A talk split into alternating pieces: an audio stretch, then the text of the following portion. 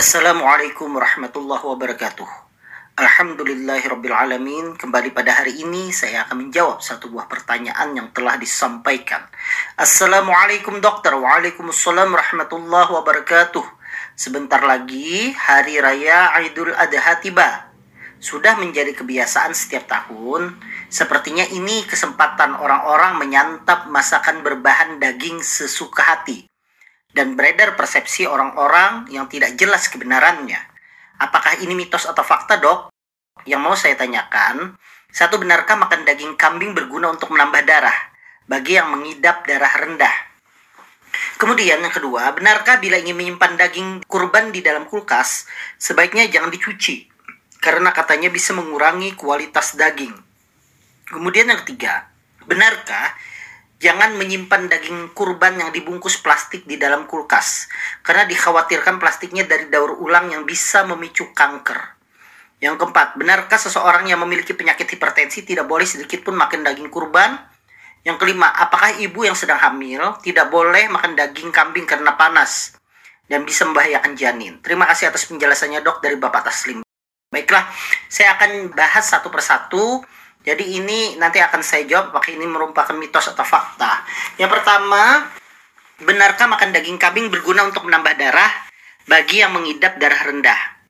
Makan daging, dia berguna untuk menambah darah itu adalah fakta. Karena daging itu ternyata mempunyai kandungan yang kaya akan besi. Jadi dia akan bisa menambah darah. Cuma diperhatikan ketika mengonsumsi daging itu jangan bersamaan dengan minum air teh atau air kopi. Karena di air teh itu dia ada suatu zat yang mengkelasi besi yang menangkap besi sehingga uh, penyerapannya menjadi berkurang.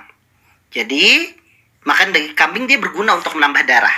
Tapi yang salah pertanyaannya adalah bagi yang mengidap darah rendah. Jadi orang yang kurang darah yang perlu ditambah darahnya itu namanya adalah kurang darah bukan darah rendah. Jadi kurang darah itu adalah anemia kalau darah rendah itu adalah hipotensi jadi tidak betul, bukan hubungannya dengan darah rendah, tetapi kurang darah. Jadi pernyataan yang betul adalah makan daging kambing itu berguna untuk menambah darah bagi yang mengidap kurang darah, bukan darah rendah ya. Dan ini adalah fakta. Kemudian yang kedua, benarkah bila ingin menyimpan daging kurban ke dalam kulkas sebaiknya jangan dicuci karena katanya bisa mengurangi kualitas daging. Baik, Sebenarnya kalau pertanyaannya kualitas daging, maka kualitas daging itu tidak dilihat dari dicuci atau tidak sebelum menyimpannya. Karena kualitas itu melihat dari bagaimana tekstur dagingnya, kemudian bagaimana daging itu tempat diambilnya, kemudian bagaimana daging tersebut punya uh, ada simpanan lemaknya atau tidak yang menyebabkan daging itu menjadi empuk atau tidak. Nah, Kenapa daging yang disimpan di dalam kulkas itu sebaiknya tidak dicuci? Ini lebih karena pada saat kita mencuci dikhawatirkan justru air yang kita gunakan untuk mencuci itu airnya itu mengandung bakteri dan kalau seandainya bakteri itu tercampur dengan daging, daging daging yang kita simpan itu malah akan berkembang biak dan tidak akan baik. Jadi ya memang sebaiknya daging yang sudah dipotong-potong tidak perlu dicuci dan langsung saja dimasukkan ke dalam kulkas dan tidak perlu dicuci. Jadi ini adalah suatu ya ini bukan mitos atau fakta ya. Jadi ini adalah suatu himbauan saja sebaiknya tidak perlu. Tapi kalau seandainya memang e, mau di mau digunakan nanti sore takutnya nanti uh, agak busuk kalau seandainya tidak dimasukkan kulkas ya sebenarnya tidak ada masalah sih ini bicara kalau sudah terlalu lama dagingnya itu disimpan kemudian yang ketiga Benarkah yang menyimpan daging kurban yang dibungkus plastik di dalam kulkas? Karena dikhawatirkan plastiknya dari daur ulang yang bisa memicu kanker. Jadi kita harus perhatikan jenis plastiknya.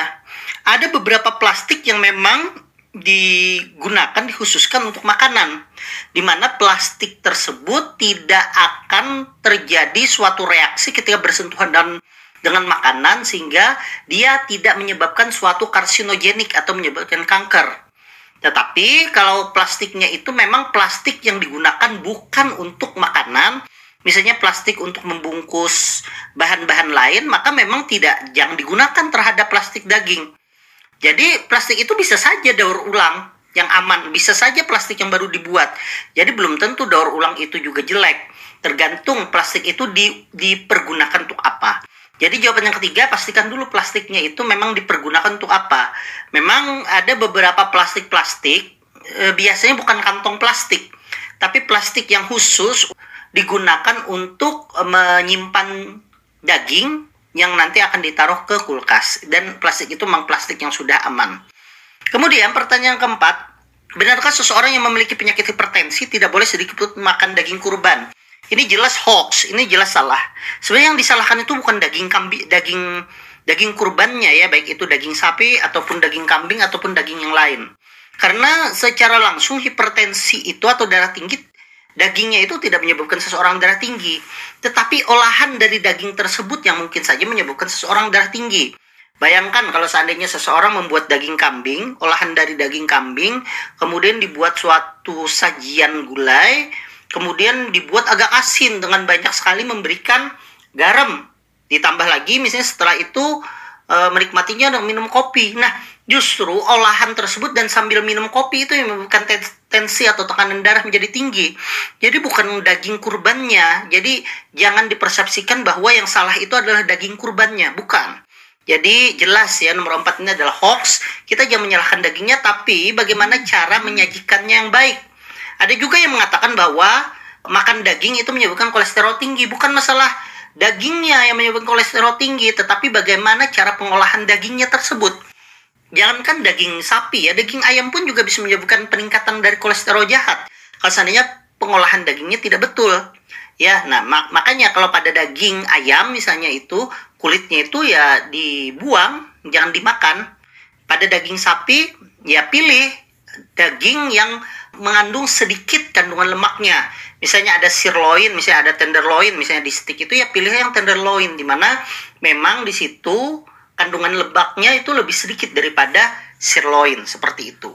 Jadi bukan masalah dagingnya tetapi bagaimana cara pemilihan dagingnya tersebut. Ya, jadi jawabannya adalah hoax. Apakah menyebabkan hipertensi? Ya tidak.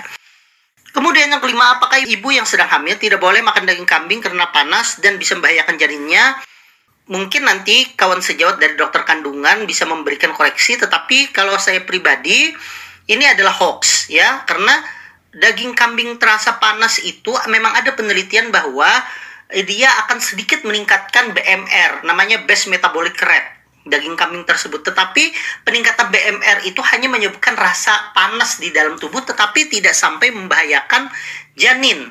Nah, ini perkecualian ketika misalnya memang pada seseorang tersebut mengidap penyakit yang base metabolic rate-nya memang sudah tinggi. Misalnya seperti contoh ibu hamil yang hipertiroid, yang kadar tiroidnya tinggi kan metaboliknya juga meningkat sehingga badannya menjadi panas berdebar-debar.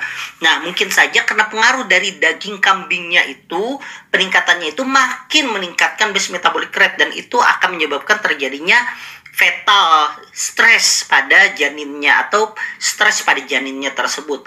Tapi ini mungkin uh, perlu uh, jawaban yang lebih spesifik lagi dari dokter kandungan tetapi saya menilai kalau seandainya orangnya sehat-sehat saja ibu ibu tersebut sehat-sehat saja maka bo boleh boleh saja dia memakan daging kambing tetapi ya tentunya tidak berlebihan dalam hal ini ya jadi itu saja mungkin Bapak Taslim atas pertanyaannya cukup banyak pertanyaan ini mungkin ini rangkuman dari beberapa pertanyaan semoga Idul Adha yang kita lewati ini menjadikan Idul Adha yang berkesan bagi kita, menambah nilai ibadah kita, memberikan pelajaran keikhlasan bagi kita dan kita semua diberikan kesehatan oleh Allah Subhanahu wa taala.